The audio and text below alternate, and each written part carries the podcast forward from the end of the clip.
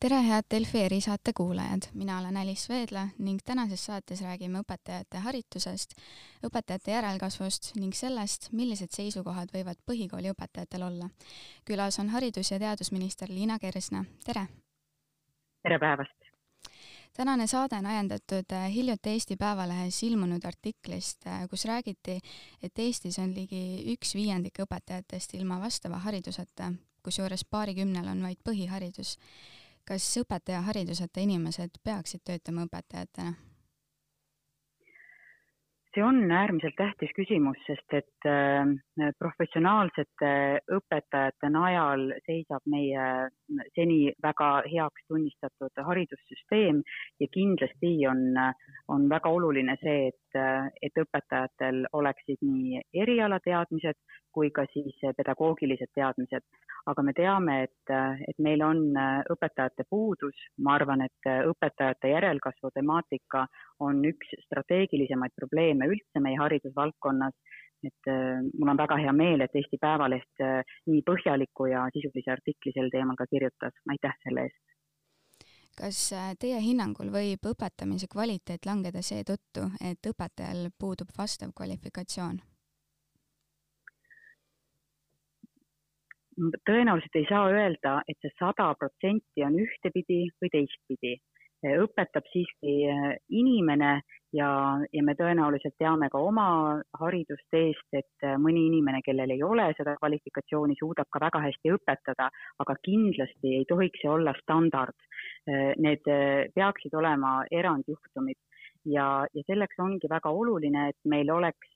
haridussüsteem väga paindlik, et pakkuda nendele inimestele, kes on tundnud, et õpetajaamet on nende kutse ja, ja see on väga oluline, et äh, kui need inimesed tulevad haridussüsteemi, aga et siis kõrgharidussüsteem pakuks nendele inimestele väga paindlikke õpivorme, et nad saaksid ka pedagoogilise kvalifikatsiooni sinna juurde et eh, kuidagi ei tahaks, et need inimesed, kes tunnevad, et neil on kutse, eh, süsteemist ehm, välja puksida, sellepärast et neil hetkel ei ole kvalifikatsiooni, vaid et me tahaksime neile pakkuda võimalikult paindlikke võimalusi siis seda kvalifikatsiooni tõsta.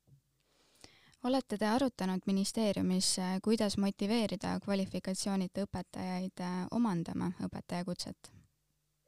Tegelikult äh, loomulikult me oleme arutanud ja kui vaadata äh, sisseastumiskatseid haridusinstituutidesse nii Tartusse kui ka Tallinnasse, aga ka näiteks Narva, kus õpetatakse mitmekeelsete laste alushariduse õpetajaid, siis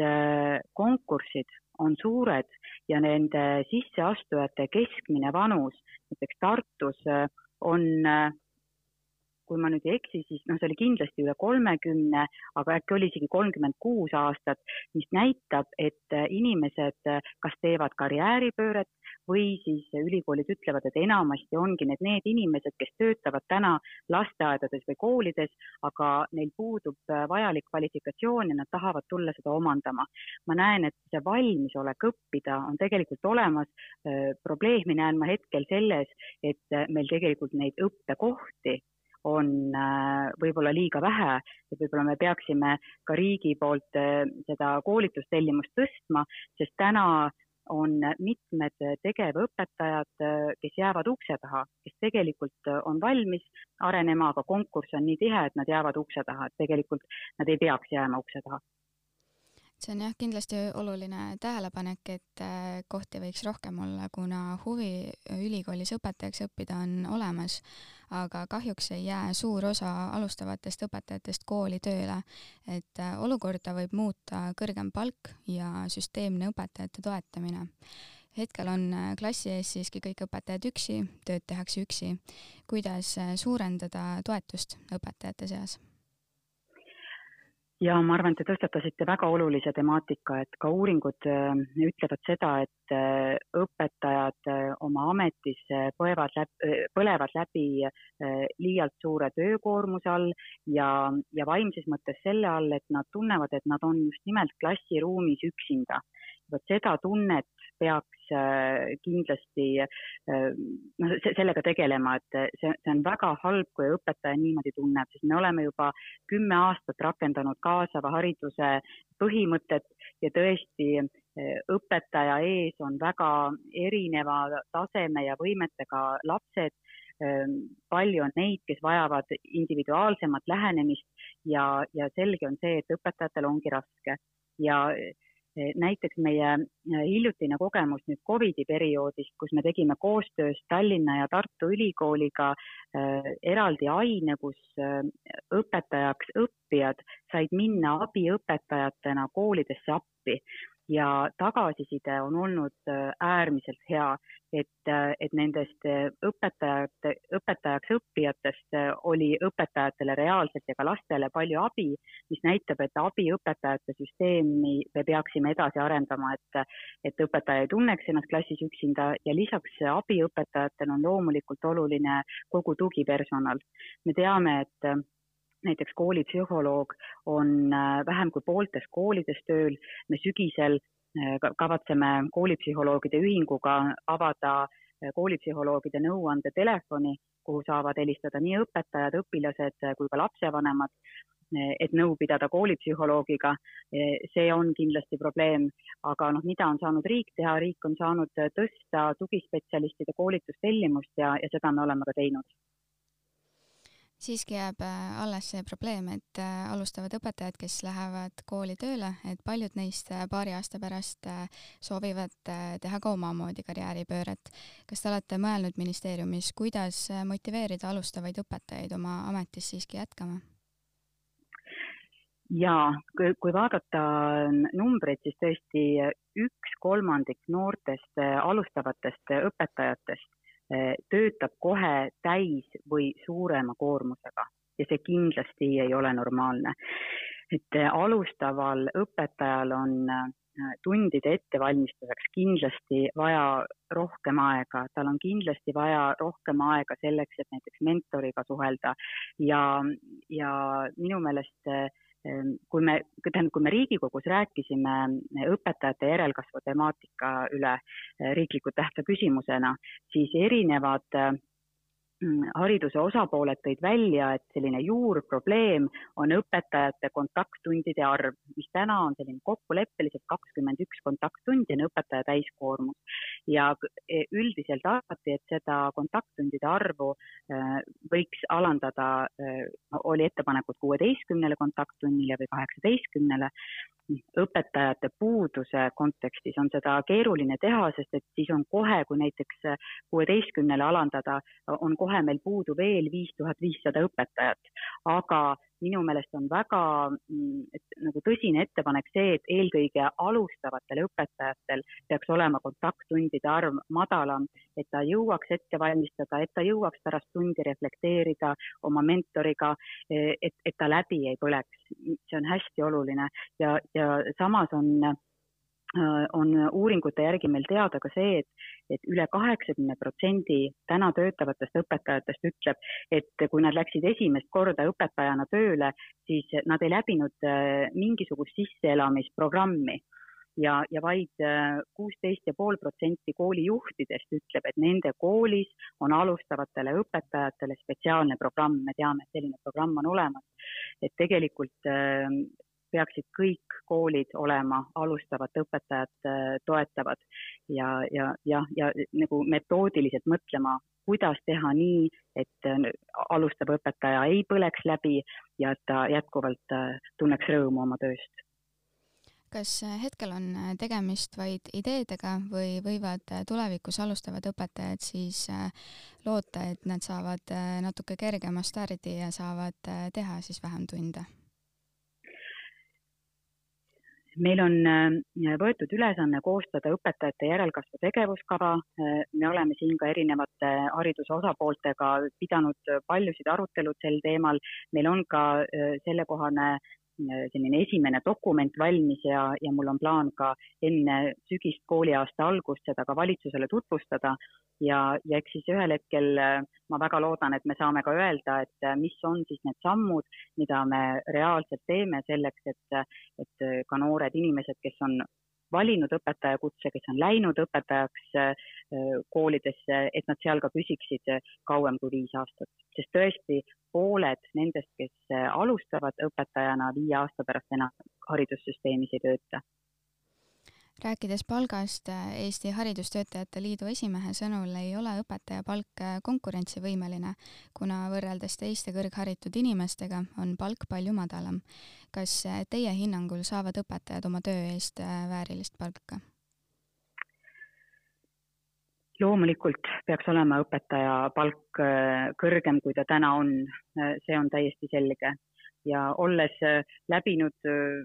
esimese riigieelarve strateegia koostamise protsessi, näen ma, kui, kui keeruline ja kui on äh, õpetajate palgatõus, me saime praegu kolm protsenti vaid õpetajate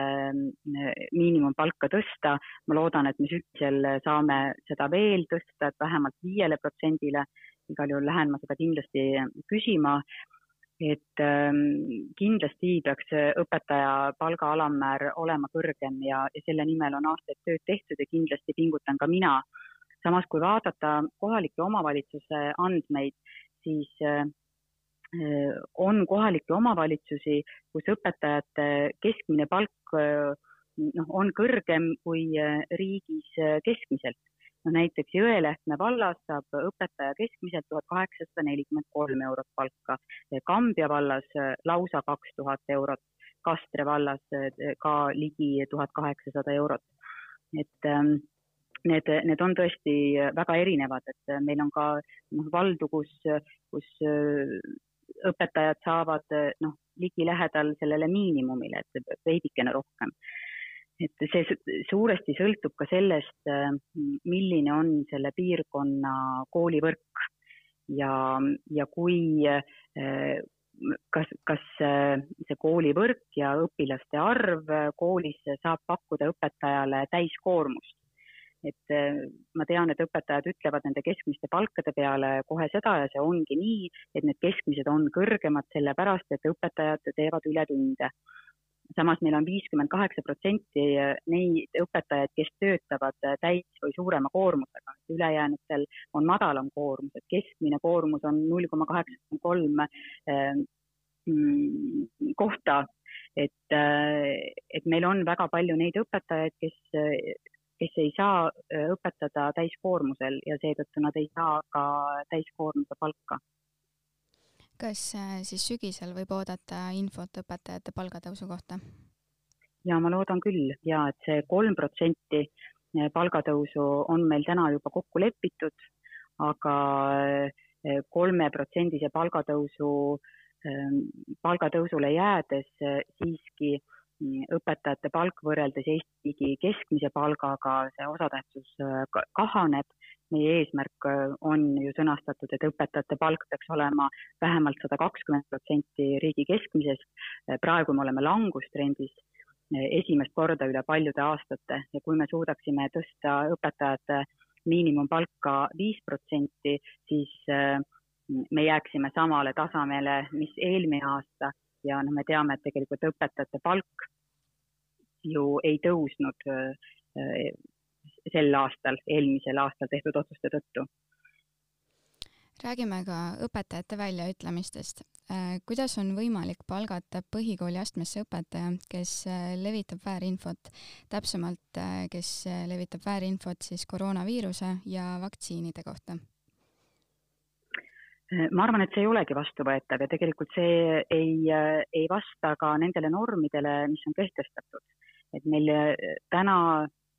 on äh, sellised kokkulepped, et äh, õpetajat saab palgata siis, kui ta vastab kõigile kvalifikatsiooninõuetele ja, ja, ja neid, õpetajaid, kes ei vasta kvalifikatsiooninõuetele, saab äh, palgata tähtajalise lepinguga ehk üheks aastaks. Ja, ja see on selgelt nii koolijuhi kui ka koolipidaja vastutus ja ma tõesti ootaksin reaktsiooni ähm, Äh, nii äh, nendelt ähm, koolijuhtidelt kui ka koolipidajatelt, kes, äh, kes võtavad tööle õpetajaid, kes avalikult ähm, levitavad mitteteaduspõhist informatsiooni. Hetkel ei saa riik öelda, et õpetaja on ebasobiv, kohalik omavalitsus vastutab koolide järelevalve eest. kas seda tuleks muuta ja tekitada võimalus ka Haridusministeeriumil sekkuda sellistes olukordades? haridusministeerium saab sekkuda välishindamise kaudu et lähevadki Haridusministeeriumi välishindamise eksperdid kooli, saavad teha ettekirjutusi ja, ja kui neid ettekirjutusi ei täideta, siis teha uuesti ettekirjutusi, et ähm, et, et see muutus toimuks ja, ja noh, on võimalus ka äh, nagu muude meetmetega koole mõjutada, aga ma arvan, et siin äh, noh, antud juhul äh, seda tõenäoliselt tegema ei pea, et siin ikkagi peaks koolijuht koos koolipidajaga tõsiselt arutama, et kas see on see, mida nad teha tahavad. mõnes ma usun, et nad leiavad vast lahenduse sellele, see, see ei ole aktsepteeritav mõnes välisriigis on äh, levinud praktika, et põhikooli õpetaja ei saa avalikult välja öelda seda, mis äh, sülg suhu toob, vaid peab oma avalikke ütlemisi piirama, kuna põhikool on kohustuslik. kas äh, selline praktika võiks ka Eestis toimida? iga õpetaja peab alati arvestama sellega, et iga tema välja öeldud sõna, mõte ja ka käitumine on alati uuele põlvkonnale eeskujuks ja kujundab uue põlvkonna väärtushinnanguid ja sellest peaks tõesti iga õpetaja ka lähtuma. jõuame ringiga tagasi õpetajate hariduse juurde. kas seesama juhtum näitab, et äh, õpetajal siiski peaks olema erialane haridus? loomulikult peab õpetajal olema erialane haridus, et äh, selle üle me ei vaidlegi, loomulikult peab olema. ja, ja meil on seadusandluses praegu võimalus, et need inimesed, kes, äh, keda, kelle puhul koolijuht on hinnanud, et tema kvalifikatsioon ja oskused äh, lubaksid anda äh, koolis tunde. Neid tohib võtta aastase lepinguga tööle, aga me ootame, et, et siis need inimesed läheksid ka ülikooli ja, ja, ja saaksid õpetajakutse selleks, et nad saaksid jätkata õpetajaametis töötamist. Hästi, aitäh haridus- ja teadusminister Liina Kersnale intervjuu eest, sellega lõpetame tänase erisaate